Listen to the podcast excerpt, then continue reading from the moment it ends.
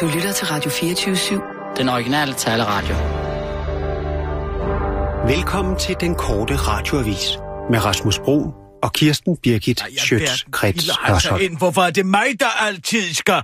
Altså, lig... hvorfor er det altid mig, der skal være offeret? Hvad snakker du om? For de svirper. Det er den ene svirper efter den anden. Altså, ja, Hvad, hvad sker der?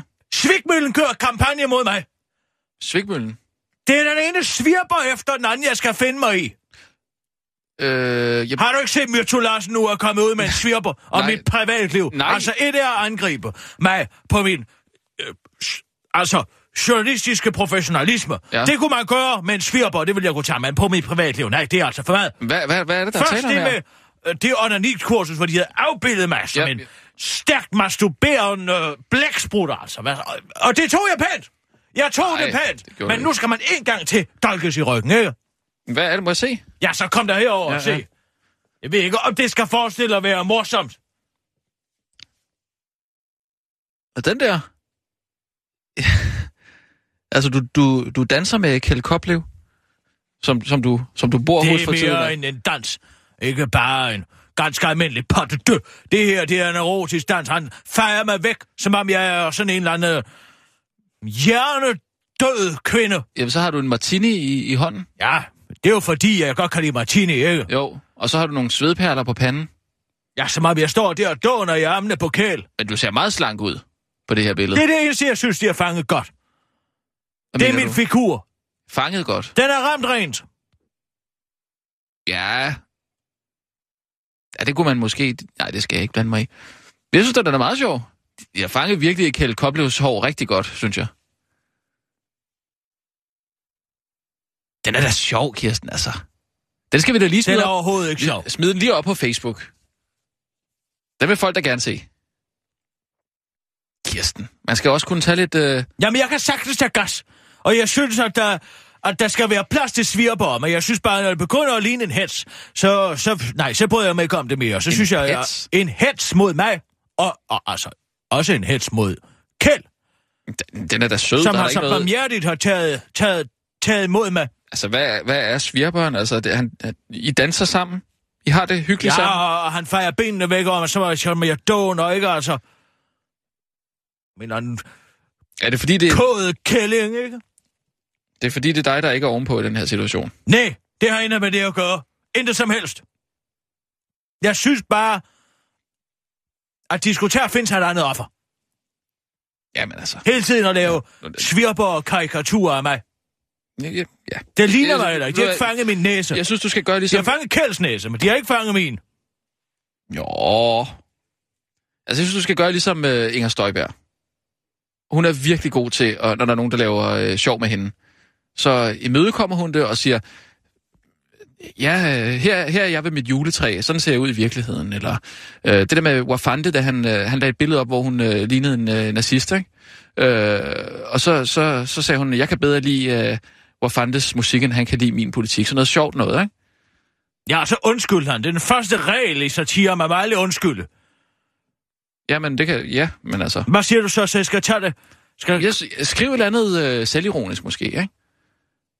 Hold da op, der har, øh, der har de virkelig fanget... Øh, Åh, oh, jeg hader det der med at skulle gå ud og være ovenpå hele tiden. Så giv mig adgang til den her. Så gør jeg det. ja. Så skal jeg se. Myrtula, hvad med det her? Myrtu Larsen har lavet en rigtig svirper. Pas de deux med mig og Kjeld. Patty Dø. Pas de deux, ikke? Altså en dans for to. Kan du ikke bare skrive det? Med mig. Kan du ikke bare skrive en dans for Okay, to, så, nej. for, så folk forstår det? To til en tango. Åh, oh, jeg hader det. To til en tango med... Ej, To til en tango, to ja. til en tango med... Der skal to til en tango. Det har jo ikke rigtig noget med noget at gøre, To til en tango. Jeg ved heller ikke, om det er titlen jo, altså. To til en tango med Kjeld. Kælder. Men så, han, står mig. sådan, og, han står sådan og peger med fingrene. Er det ikke sådan lidt disco måske? Kjeld vil aldrig danse til en disco. Hvad med uh, Murder on the Dance Floor? Er det ikke nok, det her? Hvad er ikke du? nok ovenpå? Hvad skriver du? Nej, øh, godt fanget. Øh, Det skal du altid skrive. Skriv, godt set. Ja, har den her. Myrto ja. Larsen har lavet en rigtig svirper. To til en tango med Kjeld Koble og mig. Skide sjovt.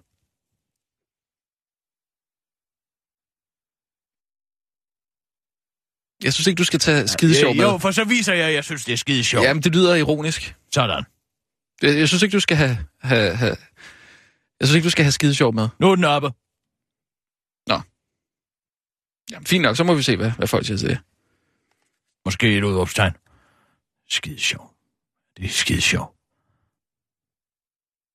Og vi skal have nogle, øh, nogle nyheder, Kirsten. Ja, tak. Klar, parat, skarp. Og nu, live fra Radio 24 Studio i København. Her er den korte radiovis med Kirsten Birgit Schøtzgrads Hasholm. Finansministeren er ikke blevet for gammel. Finansminister Claus Hjort Vedder tager nu til genmæle over for de kritikere, der hævdede, at han måske var ved at blive for gammel til at være i toppen af dansk politik, og at en eventuel pension kunne være nært forestående. Intet kunne nemlig være længere fra virkeligheden, lyder det nu fra manden, der sagtens selv kan vurdere det. Nemlig finansminister Claus Hjort Vader. Jeg er en politisk frontkæmper. Det er en stor udfordring at være finansminister, men det er også en stor tilfredsstillelse. Og jeg føler mig i fin form, siger den 123 kilo Hjort Vader til Frederiksborg Amtsavis. Flere politiske kommentatorer har ellers antydet, at den altid skarpe og fejlfri finansminister måske var ved at blive lidt for gammel, fordi han i den seneste tid har lavet en række fejl. Blandt andet, da han i et interview åbnede for muligheden for at øh, udskyde skatteforhandlingerne til efteråret, og da han angreb kommunerne for at komme med en klagesang, når det kom til regeringens omprioriteringsbidrag. Det mener Claus Hjort Vedder altså ikke skyldes alderdom, men øh, han er derimod blevet øh, en lidt øh, dårligere politiker på det sidste. Jeg er sgu ikke blevet gammel, jeg er bare blevet lidt dårligere til at passe mit arbejde, forklarer Hjort Vader til den korte radioavis, mens han pakker ind i en bil på en parkeringsplads uden at opdage det og udtaler til Frederiksborg Amtsavis.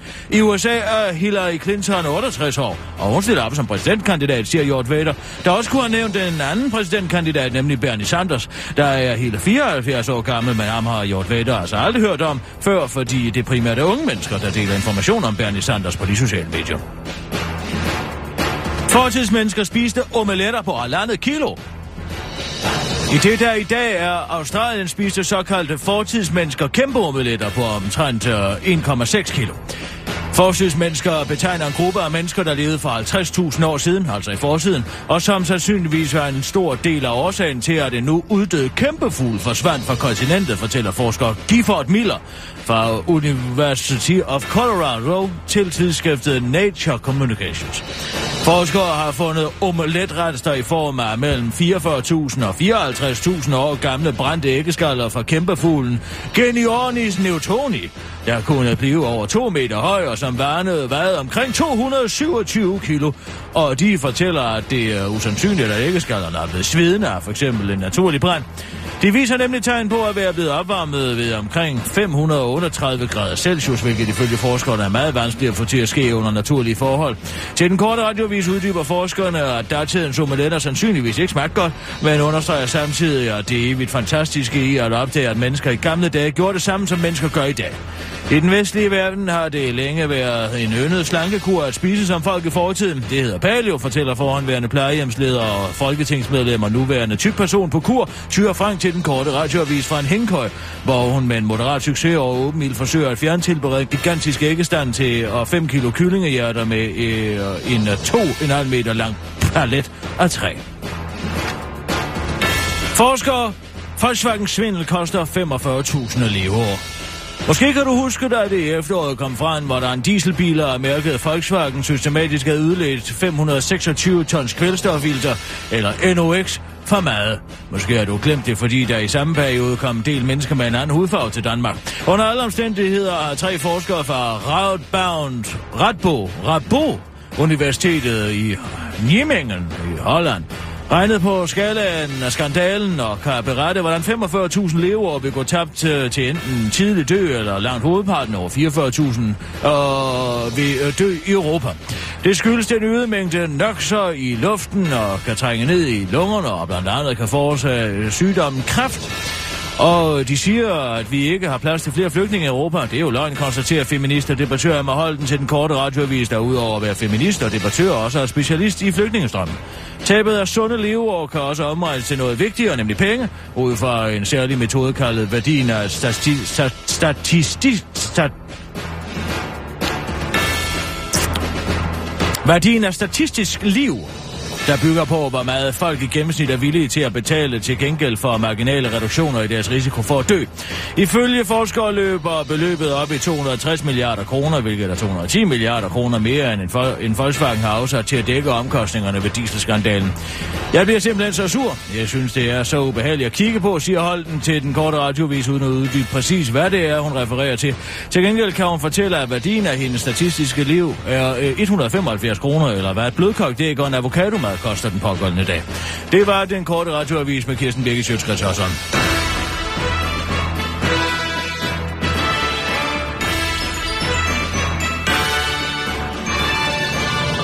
Åh, ja tak, Kirsten. Har du hørt, at, at Manu Seren, han brugte meditation og yoga til at kæmpe sig tilbage i politik? Det er meget sjovt, ikke? Altså, du brugte jo onani til at komme tilbage til, til journalistikken, og Manu bruger altså meditation og yoga. Nå, Har du set den artikel nej, på DR? det har jeg ikke. Nej, jeg har ikke set den. Nå, men det er da bare... Men det kan da være, at Iben Tranholm havde ret i, at der kun var ondskab at finde i meditation og yoga. Hvad snakker du om? Ja, hun advarede os for et år siden om, at det var djævletilbedelse og... er det? Hilsen til solen og... Godmorgen hund, eller hvad det hedder, alle de der forskellige stillinger til, ikke? Men hvis hvad- lige frem kan gøre så meget forrette, så meget ondskab, at de får Manu til at vende tilbage til dansk politik, ja. Så kan det sgu være, hun har ret. Øh, Hvorfor er det jo ikke altid, Altså, medita- at vi skal høre på de skide venstreorienterede stå og tale om, hvordan de har mavefornemmelser, og hvordan de altid øh, føler indenad, og hvordan de kommer frem til store erkendelser i deres følelsesliv, som om, at det skulle være en god ting, at han ikke kan ved hjælp af sine egne kognitive evner komme frem til, at han gerne vil have et karriereskift, men han skal stå i en eller anden bestemt stilling, eller sidde og sige, hum, og så finde frem til det, ikke sandt?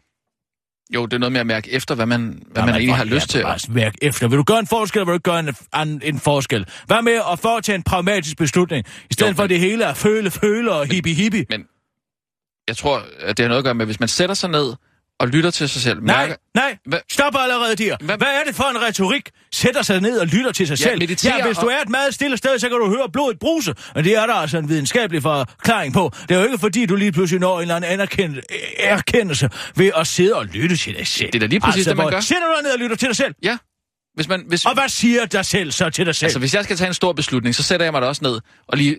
Altså, bare rydder hovedet fuldstændig og sidder måske bare og, og, og, og, og, og siger nogle lyde, eller øh, trækker vejret på en bestemt måde. Og så kommer det jo nogle gange til en, hvad man har... Altså, man virkelig har lyst til, ikke? Har jeg virkelig lyst til at have det her det arbejde? hedder at tænke sig om. Det hedder ikke at mærke efter. Ja, Man mærker der efter. Det hedder senderalsagelse.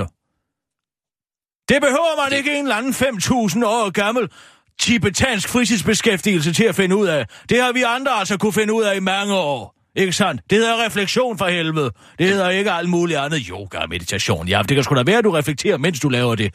Men altså, hvorfor skal det have alt anerkendelsen? Okay. Jeg synes bare, det var sjovt, at, Sissel, at Manu har med hensyn til det efterkritik, du har åndet. Du gerne vil have. Ja. Ikke? Så Hvad lad os gøre det nu. Hvad for noget? Hvad er det? Okay. Ikke også, Mutski? Altså, øh, Efterkritik. efterkritik. Sissel har jo lavet det her andet program. Spørgejorden. Nå, jamen det har, Nå, jeg, det har vi... ikke. Øh, jeg har talt med Sissel om det. det er, jeg har sagt, at det er gået rigtig godt. Lad nu lige mig. Kom til. Ikke? Men- Efterkritik er faktisk en vigtig del af ens liv, ikke sandt? Da jeg var på stiften, der fik jeg aldrig en skid at vide, fordi alle var så inkompetente derovre dengang, ikke? Jeg var jo den bedste fra, fra dag et. Og Jo. jeg kom på DR og, og under Jørgen Sleiman. Mm. Der fik jeg for første gang rigtig god efterkritik. Okay, ja. Ja. Og det er vigtigt, ja.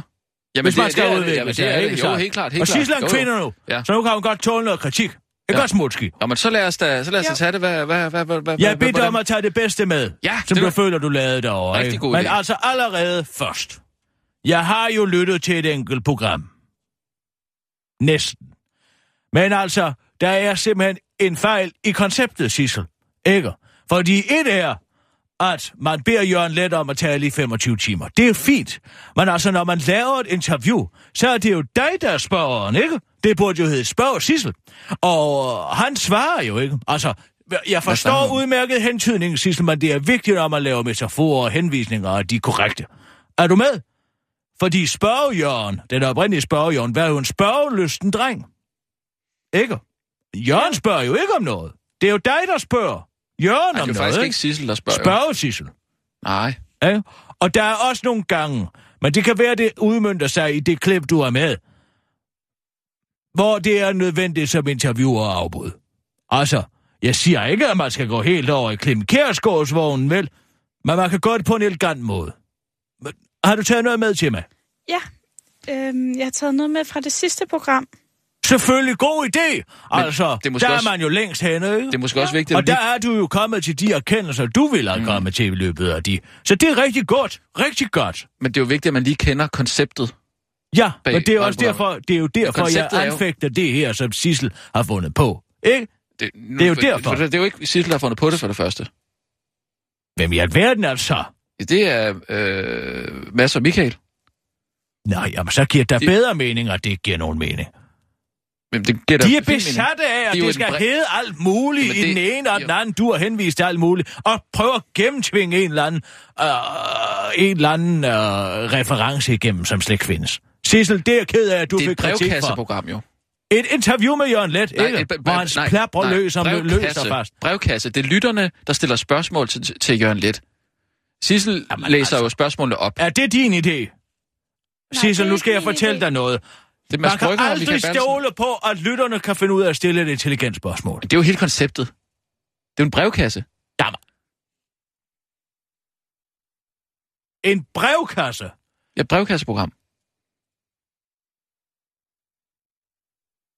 Det skal man aldrig gøre. Ja, er det din idé? Nej, Jeg tager den jeg med Mads. bare derover. Nej, men det er typisk. Nå, la- lad os, det må jeg tage med Mads. Lad os høre.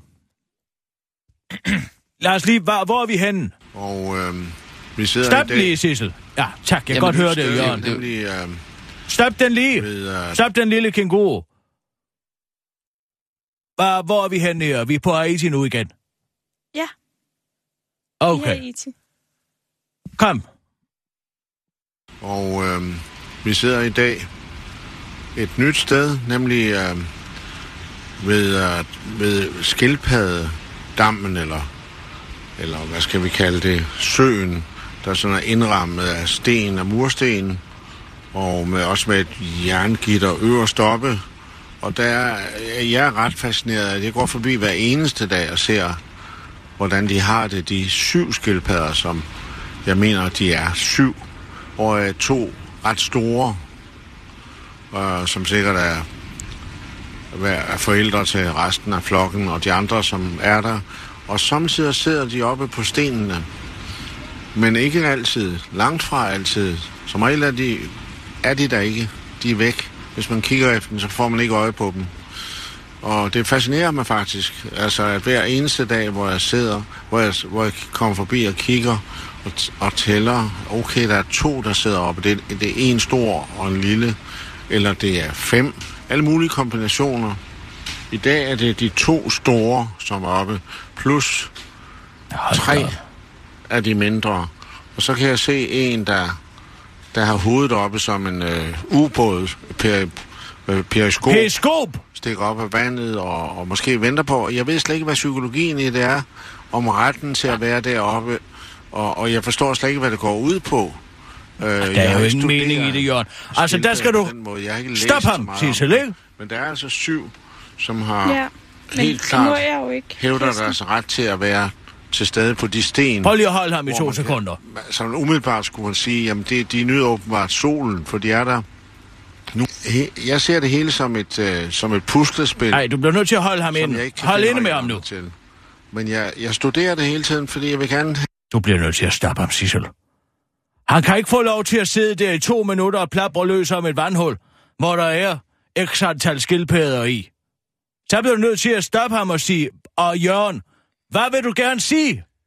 Jeg, jeg er ikke helt enig der, faktisk. Jeg synes, det er... Det, det er Ah, men det nytter jo ikke noget. Altså, jeg ved godt, at der er mange, der siger, at de her moderne journalister siger, at jeg har ikke nogen spørgeplan med, og dit og dat. Men altså, man bliver jo nødt til at vide, hvad man vil. Ikke? det er en, en, en Det er jo bare brevkasse, jo. dogenskab ellers, Det er ikke? en brevkasse. Det er lytterne, der spørger. Det er ikke Sissel, der Ah, men skal så på lytternes vegne må man da stille spørgsmålet, hvad i alverden vil du sige med de skildpadder? Jo, men han, han, han, det- han starter bare med at beskrive, hvor han er. Nej, altså hør nu lige her en gang, ikke? Og lige finde det her. Hvor langt varer det her? Dam, der beregnes dem med masser af 10 grønne blade, og så masser af små fisk. 10 Det er jo- minutter? Masser at, øh, at spise. Vi springer lige de lidt her i det. skildpadder. Halvflade sten, som ligger oven på hinanden og ved siden af hinanden der midt i, midt i. Og der er altså som sagt nu plads til i hvert fald fem skildpadder, der er rigelig plads omkring sig, når de er oven af vandet. Ja, altså sprunget fire minutter i det. Det er stadig det samme. Gange. Jeg har taget et billede, da de var syv. Det tror jeg er maksimum. Det tror jeg, alle, alt, alt hvad remmavtøj kan holde til. Syv i alt. Det har det også, det er det også plads, på, plads til. Og så er det jo meget mystisk at se deres ben. Der, er- jamen, det, er jo, det er jo mystisk. Det er jo en slags science fiction skildpadder. Ah, altså. De er jo pansret ind. De kan jo knap nok bevæge sig. Science fiction. Øh, og alligevel øh, gør de det. Bevæger er sig. naturligt fænomen. Der er jo en årsag til, altså rent evolutionært, hvorfor de de der som de gør. frem. Det er mest spændende at se, når de bruger lufferne til at komme op af vandet og op på stenene med. Det kan jeg godt Sæl. lide. Sæl, Som du hører, jeg er dybt fascineret af det billede. Det er jeg altså. Det er et, et naturbillede, som interesserer mig en del. Og der er intet forkert i, at de er inde i det her aflukkede rum, som man kan kalde et vandfængsel. Det er der Ej. ikke noget forkert i. Ja, de, der, der Tag det roligt, Alexander Dumas. Nu må vi skulle lige tilbage til virkeligheden. Cecil, må så jeg mener ikke, der er noget pineri i det, som mange gerne vil have, at mennesken udsætter dyr for, eller gerne vil beskylde mennesker Stiller for. du nogensinde Jeg tror spørgsmål ikke, på de her noget 10 pineri minutter. Sissel? De, øh, Ja, det er som om, de er Hvad spørger du om? velholdte der, godt tilfredse. jeg spørger, om han nogensinde har talt med skildpadderne. Jørgen, taler du nogensinde til skildpadderne? Nej, ja, ja, jeg prøver samtidig at påkalde deres opmærksomhed, men det er jo håbløst. Uh, men samtidig taler jeg sort til dem, sådan siger nogle lyde til dem. Du taler sort nu. Det har du gjort de sidste et- 10 et minutter. sprog. Men øh, det har heller ikke nogen effekt, sådan det har det ikke. Det gjorde jeg lige for et øjeblik siden, så gak, gak, gak, eller sådan noget.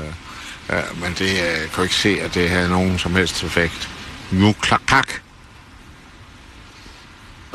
Det tror jeg ikke, det gør. De tager tit af.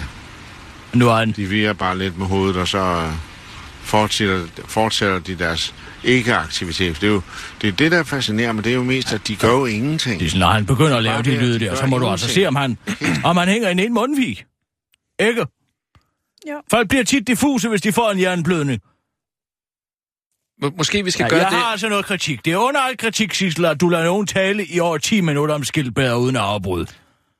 Måske vi skal gøre det, at du lige lytter Ja, til... jeg vil gerne have helt- lov til at komme med min kritik, når jeg kommer med efterkritik. Jo, men hvis du, Ikke? hvis du lytter til et, et, øh, et helt program måske... Et helt program. Ja, det kan da ikke være rigtigt, at man skal diverteres med 10 minutters, altså Så, flyvske samtale. Krit, kritik, Samuelsen, så.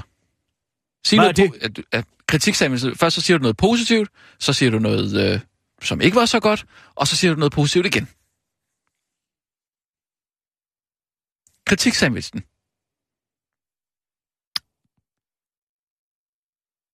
Det var godt, du stillede et spørgsmål, Sissel. Jamen, det gjorde hun ikke. Hun stillede ikke et spørgsmål. Til at starte med. Hun, han startede bare med at beskrive... Det var... Det er mig, der laver Ja, sandwich nu. undskyld. Ja. Det var godt, du stillede et spørgsmål, Sissel. Det var bare det helt forkerte spørgsmål. Du bliver nødt til at være konsekvent, når du tager ud og interviewer folk. Du skal vide, hvad du ved, og du skal have en spørgeplan, ikke sandt? Det nytter ikke noget, at du står og lader ham plapre løs for altså licens, licens- licenskroner, jeg ved ikke, hvor lang tid, vel? Der skal du altså være hård imod dem, sige, hvad fanden mener du, Jørgen? Hvorfor sidder vi ved det her vandhul? Er der noget, er der noget særligt ved det? Ikke sandt? Og så noget positivt. Ja. Men du har en god radiostemme. Sådan. Nu kan jeg ikke mere. Godt. Skal vi tage nogle nyheder så? Ja, tak. Ja. Klar, parat, skarp. Og nu, live fra Radio 24 Studio i København. Her er den korte radiovis med Kirsten Birgit Schøtzgrads Hasholm. Lykke går sin forgænger i bedene ved hjælp af snedigt værktøj. Det er netop nogen hemmeligheder, der er stor forskel på statsminister Lars Løkke Rasmussen og forhenværende statsminister Anders Fogh Rasmussen. Lars Lykke har for eksempel været beskyldt for at være lidt af et der ikke har styr på andet end hvilke billeder han, øh, han kan trække fra, og hvordan man lettest tørrer en alt for høj forholdsregning af på skatteyderne. Derimod var hans forgænger Anders Fogh Rasmussen nærmest magisk patentlig og lavede nøje gennemtænkte drejebøger for hver eneste dag og lagde planer for, hvordan han en dag kunne komme til tops inden for den amerikanske våbenlobby. Men nu vil statsminister Lars Løkke Rasmussen ruste sig til et afgørende trekvart år, hvor regeringen skal gennemføre flere reformer. Og hvis det lykkes, så skal statsministeren tage et af sine øh, forgængers bedste værktøjer i brug, nemlig en tjekliste. Ideen til tjeklisten opstod angiveligt under et større toiletbesøg efter en lang arbejdsdag i Nyhavn, hvor Lars Løkke ofte arbejder til langt ud på natten. Jeg havde netop gennemført min uh, morgentoilet, da jeg efterfølgende kastede et blik ned i kommen og gjorde mig desværre den ærgerlige erkendelse, at jeg var nødt til at benytte toiletbørsten. Samtidig stod min kone Solkøen og bankede på døren for at minde mig om, at jeg både skulle skal købe ind til frikadeller og gå en tur med hundene. Jeg var simpelthen nødt til at sætte mig ned på toilettet igen og lave en slags tjekliste for at kunne overskue alle de arbejdsopgaver, forklarede Lars Løkke til den korte radioavis og viser sin tjekliste med opgaver, der skal løses, såsom trepartsaftale, flygtningeudgifter og 2025-planen. Heldigvis for Lars Løkke er løsningen på alle opgaverne nøjagtigt den samme. Det bliver bare at sige noget om, at flygtningeudgifterne truer danskernes kernevelfærd, så skal vi nok få vores vilje. Sådan skal du opbevare din mælk. Hvis dit brød er tørt, din mælk er sur og dine tomater er melet, opbevarer du sandsynligvis din fødevare forkert. Ifølge dyrlæge ved Fødevarestyrelsen Englis Kylsbæk Andersen kan det både give dig en dårlig dag og endnu værre gå dig syg. Det, der kan ske, er, at man har kød liggende til optøning, og der løber kødsaft ud over nogle varer, der ikke bliver varmebehandlet. Så kødsaften drøber på salaten, der ikke bliver skrællet og tilberedt, og hvis det indeholder noget sygdomsfremkaldende, så bliver man syg, forklarer Andersen til BT og understreger, at der generelt er mange faldgrupper, når man sætter sin dagligvær på køl. For eksempel sætter langt de fleste deres mælk i køleskabsdøren, men det er forkert. Mælk skal helst holdes så koldt som overhovedet muligt for at ikke at blive harsk i smagen, og da køleskabets køleelementer sidder på bagpanelet, skal mælken altså være så tæt på dette som muligt. Hvad du gør med robrød er en smagssag, fortæller BT. Andre fødevarer hører slet ikke til i køleskabet, f.eks. bananer eller avocado. Her skader køleskabsophold modningsprocessen og kan give brune pletter, ligesom hvedebrød krystalliserer ved lave temperaturer. Jeg putter aldrig i køleskabet. Jeg er helt ligeglad, fortæller interneringsminister Inger Støjberg til den korte radioavis og fortsætter. Bortset fra lys på det chokolade, det tager den gode smag, som jeg synes, den har, afslutter den kernesunde datter af gårdejer Mathias Støjberg og medhjælpende ægtefælde Gudrun Sol Støjberg til den korte radioavis.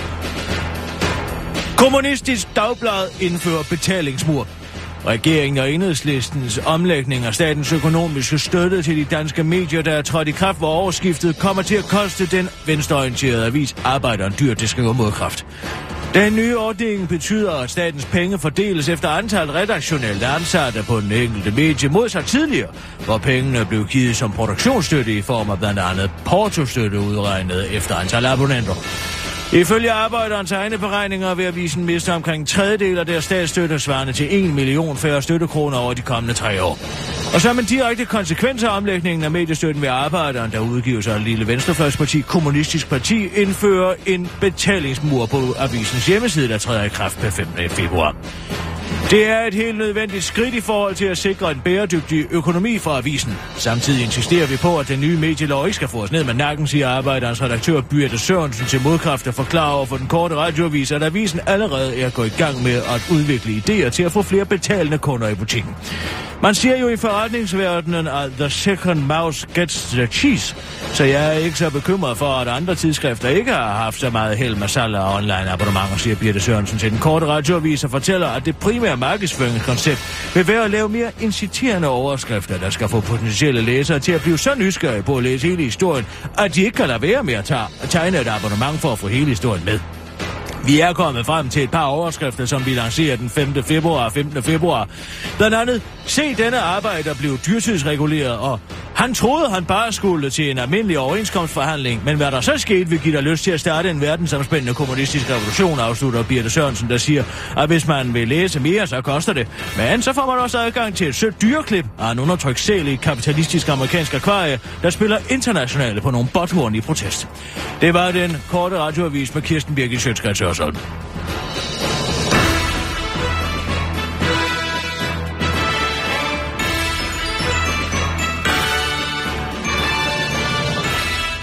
Ja tak, Kirsten. Det var da helt vildt, det her. Har du set, øh, Den der øh, mor- og tvillingssøster selfie der. er du okay? Skal jeg lige dunke dig i ryggen? Nej, bliv. Uh, Er du okay? ja, hvad siger du? Nej, har, har du set den der øh, tvillingssøster-selfie? Øh, mor og tvillingssøster? Det, det, det er altså det er tre kvinder, som øh, altså ligner hinanden på en prik. Og så skal man så... Altså en af dem er så mor til de to andre. På billedet øverst ses tvillingesøstrene Kaelan og Kyla... Hey, Kjeld. Hvad? Det er Kjeld, der ringer. Lige et øjeblik. Hej, Kjeld. Hej, hej, hej. Hvordan har du det? Jeg har det godt, Kjeld. Tak. Det er godt. Har du det også godt? Jeg har det fint, fint. Det har jeg sådan set. Der er ikke noget at klage over. Nej, Sådan- det er godt. Nej. Jeg har savnet dig. I lige måde. I lige måde. Hvad så? Det er jo ikke så lang tid siden, vi har du, du smed mig af herinde. Ja, men øh, vi skal jo lige tale om, hvordan det skal gå videre nu her. Om, om du dukker op på et tidspunkt, og hvad du skal gøre så. Jamen, jeg regner da med, at du kommer og henter mig igen kl. 1, aftalt virkelig. Og Ja, så skal vi spise det- aftensmad. Det er faktisk det, jeg ringer for at sige. Det kan jeg ikke. Jeg er blevet forhindret i det. Jeg er nødt til at hente min kone, fordi hun er til lægen, og der... Så du må få... Kan du ikke få Jakob til at køre ud? Jakob, hvem? Eller ham, ham den unge med, ham den unge mand, du flørter med. Rasmus. Nå, Rasmus hedder han, ja. Det er da rigtigt, ja. Jo, det kan jeg sikkert godt. Har han kørekort? Det ved jeg faktisk ikke. Har du kørekort? Ja, det ved du da godt, jeg har taget kørekort. Ah, nej, kørekort. Nej, det er godt. Og en ædru? Ja, ja, jeg er også ædru. Det er Men, godt. men, men jeg troede, vi skulle spise sammen og, i, i morgen. Ja, det kan vi godt. Det, det er der ikke Nå, det er jeg glad for at Det er høre. helt klart, det er klart, ja. Har du tænkt over menuen? Nej, ikke rigtigt, for så langt er ikke noget nu. Men jeg tænkte over en anden ting. Altså det, at du spiser så mange mærkelige ting, kunne du så ikke få for ham der Rasmus til lige at køre ind om apoteket på vejen og få en... Jeg tror, du er gravid. Jeg tror helt ærligt, du er gravid så mærkelig mad, som du Jeg har jo spiser. ikke haft menstruation i flere år, Kjeld. Hvordan skulle det kunne lade sig gøre? Lad nu være jeg med at være så bekymret. Man hører jo om det hele tiden. Men tag lige og gør mig en tjeneste, og der selv en tjeneste, og få sådan en graviditetstest på apoteket. Du tager det herude på vejen, når I, når I kører hjem, ikke? Kjeld, nu skal jeg sige dig en ting, og det er en hemmelighed. Men det kan i hvert fald gøre, at du måske tror på, at jeg ikke er gravid. Jeg er ingen livmor mere. Okay. Men man kan få kunstige livmøder. livmøder Ja, det men jeg bare her. roligt. Det ville jeg sgu nok have opdaget, Kjeld, hvis jeg havde fået sat sådan en op. Ja, men kan man... Ja, okay, det, det ved du bedst. Men jeg, det, jeg tænkte bare på det, fordi jeg synes, du har lagt dig ud, og jeg synes, du spiser mærkelige ting hele tiden. Det har vi snakket lidt om, faktisk. Ja, det er underligt, synes jeg. Det er ikke normalt. Kjeld, Ja. Hvad tak for din bekymring. Det er godt. Hvad skal vi have at spise? Ja, nu skal Eller du hvad høre. vil du have at spise? Jeg har tænkt over det. Ja, Jeg tænker, vi starter med skildpadsuppe. tak skal du have. Dåse eller frisk mad? Nej, frisklavet. Jeg ved, at skildpadde er svært at få, fordi den er fredet. Men man kan altså gøre en udmærket substitut med kalvekød. Åh oh, ja. Men jeg har sådan en god opskrift, hvor man starter med at lægge skildpadden. Den skal være 200-300 kilo på ryggen op på bordet med en kødkrog i, i hovedet. Så skærer man halsen over, og så begynder man at skære kød af.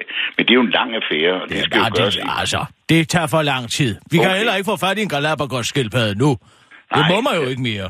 Men Nej, hør ja. her. Det starter vi med, ikke? Jo, Så går vi over til en, en blinis demidov. okay. Ikke? Ja. Og så langsomt får vi lige en lille en mellemvin, ikke? Og så Ja. en kajer sarkofage. Og ja. vi, har, vi, har, vi har været i biografen, eller vi har læst bøger. Hvad har vi gjort? Vi er over på Karen Bliksen, kan jeg høre. Gud, det er da det! Det er da derfor, jeg har lyst til det. Ja, Ja. men det er fordi, jeg sidder og hører et skildpaddeklip, som var, jeg ved ikke, hvor lang tid, hvor Jørgen Let, han blev ved med at plapre op. Det har da triggeret den. Ja. Det er da derfor, jeg har lyst til det. Nå, okay, okay. Jamen, så er det derfor. Ja. Hvor- Hvorfor sidder du og kører på Jørgen Let og Ja, skildpadder? det er fordi, jeg skal give efterkritik på noget, Sissel har lavet. Hun har været over på Aisi over og besøge Jørgen Let. Og det er sådan et eller andet program, hvor han er blevet spurgt om alt muligt. Han plaprer løs. Ja, det, det der, kan du ikke spørge hende om? Det undrer mig. Det hedder spørge, Jørgen. Han, han spørger jo ikke om noget. Det er præcis det, jeg siger. Han er jo ikke... Altså, spørgejørgen er jo opkaldt efter den spørgeløste dreng, ikke? Ja, det er jo ja. ham, der Hvorfor bliver dit og- spurgt. Hvor, hvorfor dit og hvorfor datter? Ja, ja, ham drengen. Ja. Hvad siger du, Rasmus? Det, det er et brevkasseprogram, jo. Ja, men det, så burde det jo hedde noget andet, så burde det hedde Jørgens brevkasse. Ja. Og det vil jeg bare sige. Men skal vi så... Jamen, så skal vi jo have oste fra Auvergne ja. efter, og så en babakage til dessert. Jepper, det gør vi så. Så er jeg da også godt nok beskæftiget her resten af dagen. Og i Jamen, morgen du, nu skal du ikke hente mig. Nå, nej, men, men jeg har jo andre ting at lave. Det, i mit liv består jo ikke i, i, i dig alene, og jeg er også nødt til ligesom at beskæftige mig lidt med min kone, fordi ellers så bliver hun lidt jaloux over, at jeg beskæftiger Åh, jamen, hun må da gerne dig, spise ikke? med. Hun ved jo ikke, du ikke er nogen livmor. Nej, men altså, prøv at høre her, Kjeld. Hun må jo gerne spise med. Ikke? Okay. Godt. Jamen, så er det en aftale. Vi ses i morgen, og hvad skal jeg... Ja, jeg kommer forbi ved et-tiden, og så spiser vi klokken 6. Ja, og så tag noget vin med, ikke? Ja, Fordi ja, naturligvis. Det er godt. Det er godt, du. Hej. Ja, vi, vi ses. Ha' det godt. Hej. Hej. Hvad, jeg skal bare lige forstå, sk- skulle jeg... Vil du have, at jeg skal køre rundt? Nej, jeg sover hjemme hos mig selv, og der er lidt... Hvad? Der er tydeligvis noget jalousi der, ikke? Man skal også passe på. Ja. Nu har jeg jo boet hjemme hos Kjeld i mange uger, ikke? Ja. Jeg Men- tror, men- at hans kone er blevet... Men det kan jeg godt forstå, når man får sådan en ind ad døren, ikke? Sådan en som mig. Der er jalousi. Og tænker mig lige, nå... Det er da også ikke? lidt mærkeligt. Kan jeg, stadig, kan jeg stadig konkurrere med det, Mm. ikke? Jo. Hvordan er min ja. figur egentlig? Så begynder man jo med alle de der tanker, ikke? Nu sover jeg lige hjemme hos mig selv i nat. Okay. Men altså, Så tager jeg jeg, jeg skal morgen. ikke køre rundt med dig vel, til apotek og jeg ved ikke hvad. Nej, nej, nej. Altså, ja, hvad han er. André Le Pen. Nå, ja, okay. Ja. Jamen, det er godt, fordi jeg, jeg skal nemlig selv til, øh, jeg skal til Rolskov her lige bagefter. Vi skal på weekendtur. Ja, ja, Både kro og det er hold, så øh, det er sådan lige en lille hyggetur. Så jeg kan ikke køre nogen steder. Jeg skal på pikken. Hvad? Jeg skal på pikken. Har du lavet en pik? Jeg har lavet en pik. Ej, Kirsten. Jo, ja. Nej, skal vi ikke lige give... Lad, lad os lige alle sammen lige give Kirsten en hånd, fordi det er så rigtig godt. Det er rigtigt. Det glæder jeg mig altså Ja. til. Det er Jamen, altså, det kan jeg godt forstå. Den er også god. Det er, altså det er en fremragende titel, jeg har fået til. Den hedder Den politiske korrektheds fascisme. Jeg har taget udgangspunkt oh. i altså denne her uh, moderne uh, krænkelseskultur, mm. som, uh, som simpelthen... Jeg er altså blevet lidt... Uh, lidt væk. Det er altså en snak om mad. Sissel, Ja, kan du ikke lige, når du har sat uh, pikken på, uh, så lige uh, fis ned og hente, hvad er der i kantinen? Jeg tror, der var stegt flæsk. Åh, oh, det er lige mig. Kan du ikke lige tage ja. Sådan en omgang med op lige, og- som jeg lige kan næppe lidt på? Men er det ikke det, du bliver ja. så lidt drillesyg af?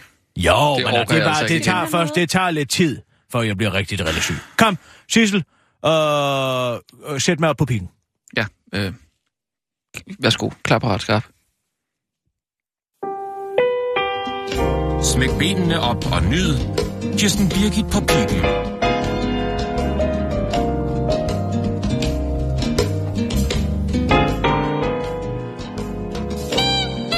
Den politiske korrekthedsfascisme. I USA har man fjernet ordet nigger fra det nationale forfatterkoryfæ Mark Twains bøge. Og i Sverige har man renset ud i Pippi Langstrømpe, der man mener, at Astrid Lindgrens værker kan virke anstødelige. Både nigger og niger er ord, man kan mene om, hvad man vil, men det er dybt problematisk at blande lovgivningen ind i det, og dermed censurere litterære, litterære værker eller daglig tale for officielt hold. For når man fordrejer fortiden, så perverterer man som bekendt nutiden.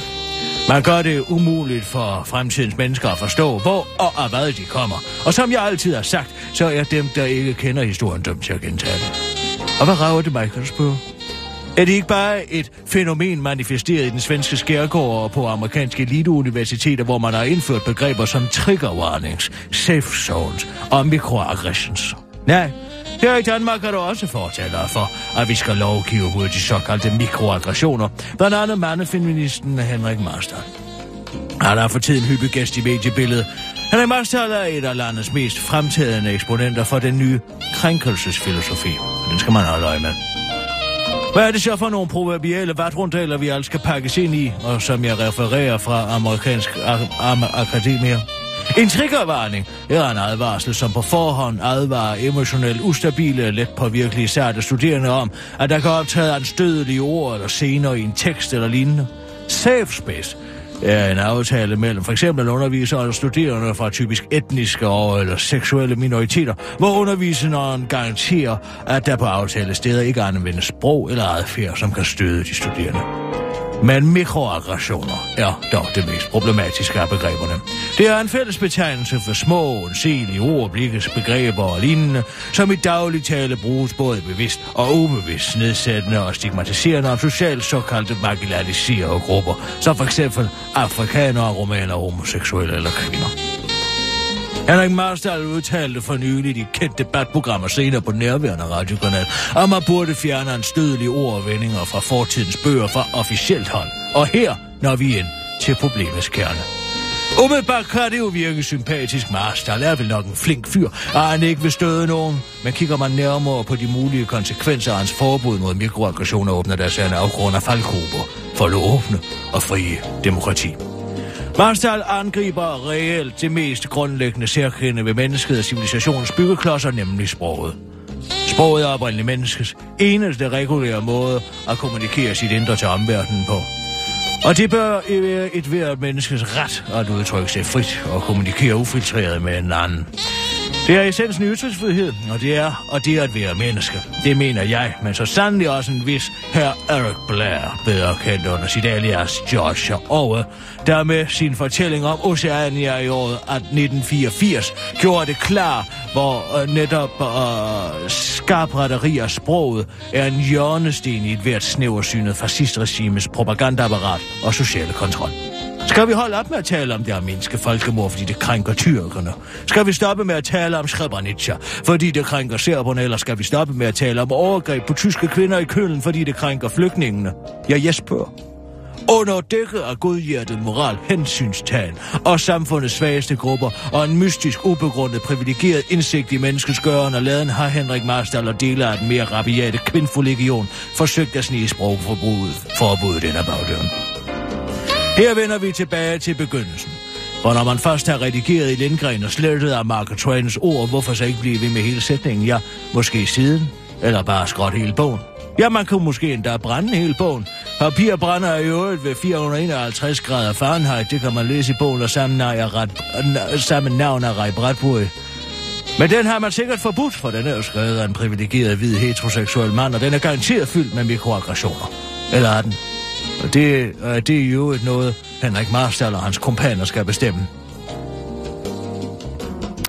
Det lyder måske hysterisk, men hvis Henrik Marstal og kompanis farlige terminologi en dag sejrer, er ytringsfriheden de facto afskaffet.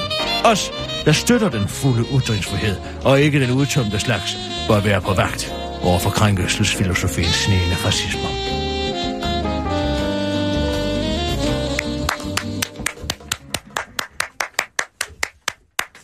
Var meget fint. Den har jeg skrevet godt. Ja.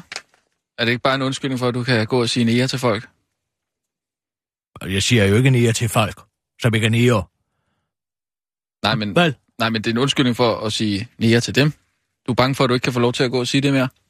Jeg er bange for, at jeg ikke kan få lov til at gå og sige nære mere nej. Det er jeg sgu ikke, for de kan bare komme an med deres dagsbøder. Ej, tak.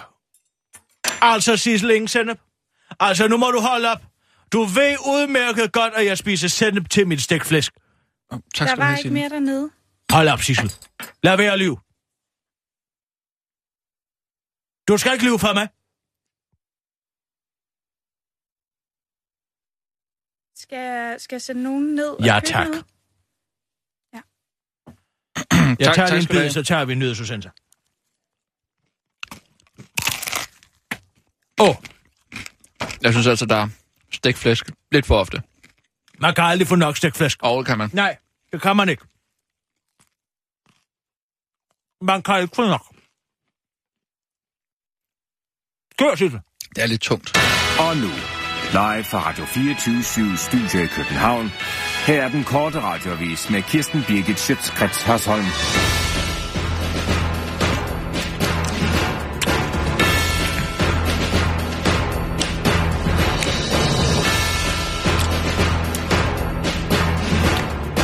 Gamle vil krammes. Nu kommer det frem, at ældre mennesker på plejehjem gerne vil have menneskelig kontakt. Ansatte i pleje, hjemmeplejen og andre steder, hvor ældre mennesker bliver passet og plejet, oplever i stigende grad, at de ældre klynger sig til dem, når plejeren hjælper dem i bad, op ad side eller i seng. Og De ældre hungrer nærmest efter berøring fra et fremmed menneske, fordi de ikke berøres særlig ofte af andre mennesker. Og det begreb har endda et navn. Det kaldes hudsult. Og det er altså et problem, at de ældre ikke oplever den fysiske kontakt.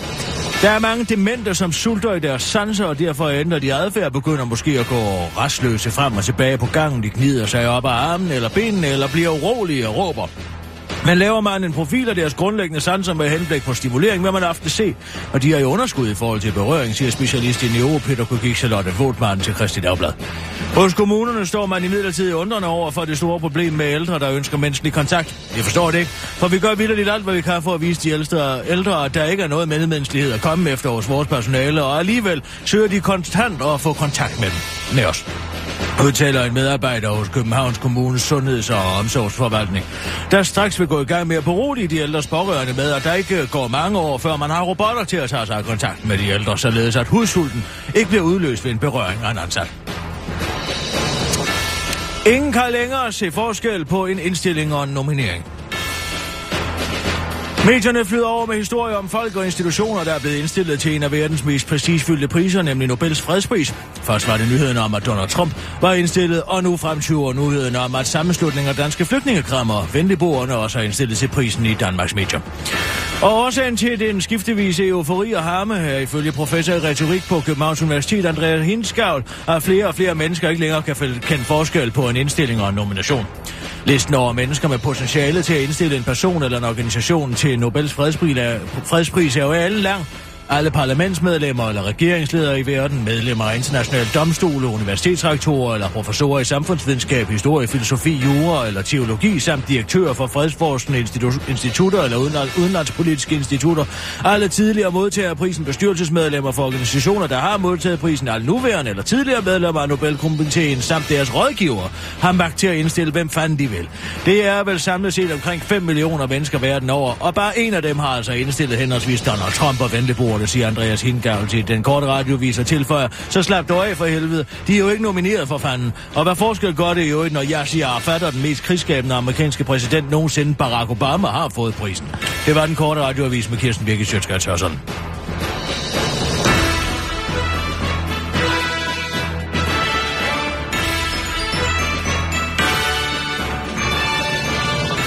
Ja, tak.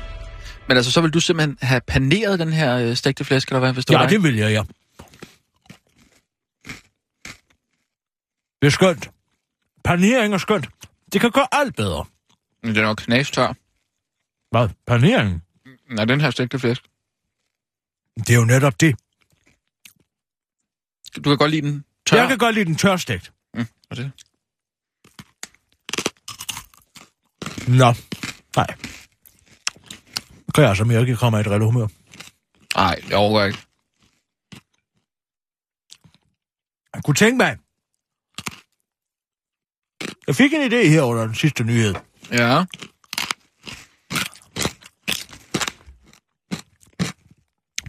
Jeg ved godt, nomineringerne er slut nu, ikke? Eller indstillingerne er, er, er færdige, ikke? Til fredsprisen. Nå, ja, ja. Men her hør, hør, hør lige en gang. Vil du indstille mig? Nej. Ja. Jeg vil, få, jeg vil indstille Karl Holst. Karl Holst? Ja, til næste år, ikke? Vi har jo et helt år at løbe på. Hvorfor? Hvad er han? Øh... Ja, netop. Det er jo det, der er pointen, ikke sandt? Gud og hver mand kan blive indstillet til det lort, ikke? Det viser det jo også dem, der får dem. Det er jo den ene mere forbryderiske bandit efter den anden, der har fået den pris de sidste 10 år, ikke? Er det det? Hvor mange krige har Barack Obama startet? Ja, det ved jeg ikke lige. Fem! Nå. Hvordan i alverden kan man få en fredspris, hvis man har startet fem krige? Helt ærligt, nu må de skulle da holde op. Jeg siger, Arafat, den slupper der også fået den, ikke? Mm. Så du vil indstille Karl Holst? Ja, jeg vil ikke, for jeg kan jo ikke. Nå, hvad? Hvordan, hvad, hvad, hvad så? Det er det, man skal finde ud af, ikke? Man skal jo finde på at få nogen til at gøre det, ikke? Mm-hmm. Ja. Nej, endnu ved jeg Er det værd, værd at bruge kræfter på?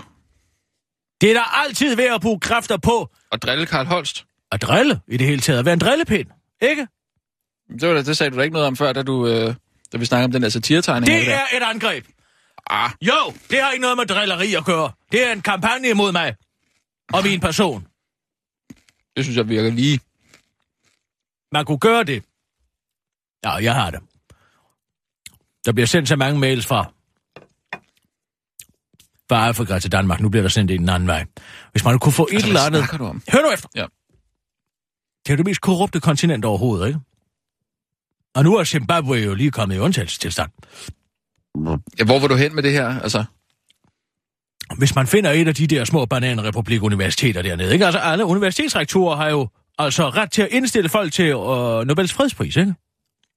Så ringer. Okay. man til et eller andet landdistriktsuniversitet i Zimbabwe, ikke sandt, som så... De, de, de vil bare gerne have nogle penge, ikke? ja. Så giver man dem lidt. Hvad giver man? 500 dollars eller sådan et eller andet, ikke? Så siger man, I må få det mere. Jeg vil gerne donere, Du ikke? vil bestikke et universitet Ja, jeg til vil, ja, ja. Altså, de får penge, ikke? De får altså penge, ikke? De får penge. Jeg siger, ja. jeg Ja. vil gerne donere, ikke? Altså, er det sådan en journalistisk Men- vinkel, der... Hold nu kæft, det er bare drilleri, ikke? Men med pengene følger en klausul om, at hvad de først bliver overført, når altså enten dekanen, eller det er jo så historieprofessoren, eller hvem som helst, har indstillet Karl Holst til Nobels fredspris. For sit et eller andet, hvad ved jeg. Han minder... Han, han bringer Afrika og Europa tættere sammen ved at føre ved at bringe den afrikanske politiske kultur til Europa, ikke? For eksempel, kunne man sige. ikke? Mm. Men altså, et eller andet andet med, at ja. han er gået fra at være krigsminister til at gøre ud, kirkeordfører, ikke en kirkens Ja, mand. okay. Nu er han så selvfølgelig ikke det mere, men det ved de jo ikke noget om. Nej, Vel? Men altså, du. Hvad er det for nogle penge, du vil bruge her? Skal Mine man- egne, jeg er da ligeglad. Nå, dine egne? Okay. grebelom, Nå, okay. Så det er noget, du gør i din fritid, altså? Ja, men det er da morsomt, hvis man kunne få en artikel i en avis om, at Karl Holst var blevet indstillet til Nobels fredspris. Ja, det er meget sjovt, men altså... Jeg gør det, jeg sætter den i weekenden. Ja, hvad? Jeg sætter uh, mailen i weekenden. Jeg skal lige have fundet ud af øh, et, uh, et universitet dernede, som ser mest færdigt ud. Så vi kan Ja. lige tage en uh, breaking. Jo, jo, en breaking? Ja. Hvad, hvad? Ja, jo, jo, det kan vi godt. Øh, klar, parat, skarp. Breaking news fra den korte radioavis. Her er Kirsten Birgit Schøtzgrads Hørsholm med sidste nyt. Så er der breaking news til dig, der ser sur ud uden at være det. Der er nemlig ikke noget galt med dig, det er bare noget galt med dit ansigt. På internettet har man længe brugt betegnelsen resting bitch face eller RBF om dig og andre personer, f.eks. den engelske dronning Elizabeth eller den amerikanske rapper Kanye West, der uprovokeret fremtræder vrede eller irriterende. Det spændende fænomen, satte to adfærdsforskere sig for at undersøge ved at benytte sig af en ansigtsscanner, der kortlægger 500 punkter i menneskets ansigt, hvorefter den kan fortælle dig, hvor mange procent af menneskets basale følelser dit ansigt udtrykker. De basale følelser er ifølge scanneren glæde, tristesse, vrede, frygt, overraskelse, afsky, foragt eller neutralitet, og normalt fungerende menneskers ansigter udtrykker 97% neutralitet og 3% alt godt for følelseshavet, hvorimod personer, der lider af RBF, udtrykker 94% neutralitet og 6% foragt. Ja, det er det, der er galt med Sofie Carsten Nielsens ansigt, siger en tydelig lettet Uffe Elbæk til den korte radiovis, og fortsætter. Jeg troede, hun var sur på mig som person, men når man ved, at hun fejler, hvad hun fejler, så bliver det nemmere at tage hensyn, ikke? Øh, afslutter den omsorgsfulde formand og understreger, at Alternativets næste politiske projekt kan blive... Vi kører den igen! Den er for lang, den her breaking. Kør tilbage. Og understreger, at Alternativets næste politiske projekt bliver at få resting bitch face på diagnosesystemet ICD-10's liste over anerkendte psykiske lidelser. Anderledes skeptisk er guru og psykologiprofessor Svend Brinkmann, fordi undersøgelsen ifølge ham ikke fortæller om folk med RBF rent faktisk går rundt og fakter ting, hvilket i disse dage faktisk vil være det mest normale, fordi livet jo er lidelse. Dyrk det negative, køb min bog, bog og opfordrer han den, øh, den nu stenrige professor til den korte radiovis, hvor han fortæller, hvordan hans anti-selvhjælpsbog står fast. Han erhverves de fleste steder til den nette sum af 129 kroner. Det var Breaking News med Kirsten Birgit Sjøtskrets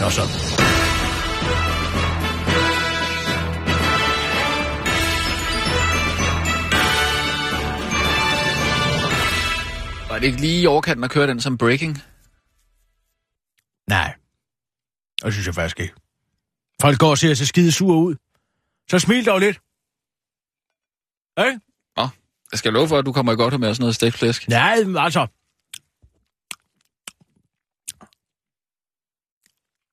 Kirsten, du har øhm, tabt alt på Laurits. Hvad siger du? Jamen, der er ikke... Øhm, altså, du er blevet overbudt på alt. På de frokoster med politikerne? Ja. Nå, Hvad er vi oppe på nu? Altså, det er ret højt op. De er alle sammen over 1000 nu. Skal jeg bare fortsætte? Nej, Søllerød Kro. Byd, byd på den. Byd Ja. på Søllerød Kro. Det er også den, der er lavest. Og Mash. Ikke? Ja. Dem tager jeg. Skid hul i Christian Jensen.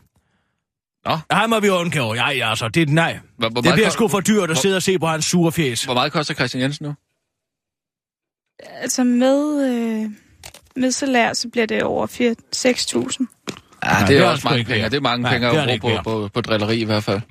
Det er det ikke værd. Så vil jeg hellere den med næerne dernede. Hvad for noget? Den med Karl Holst. Ja, ja. Den svirper der, Okay, ikke? men, ja, Med at få dem til at indstille ham til Nobels fredspris. ja. Ikke? Så kører vi videre med den, Sissel. Kan du ikke lave en prioriteret liste over de altså allermest fattige og nedslidte af universiteter på det afrikanske kontinent? Var det ikke noget, du Jo, ville lave i, i fritiden? Gør det nu bare, Sissel.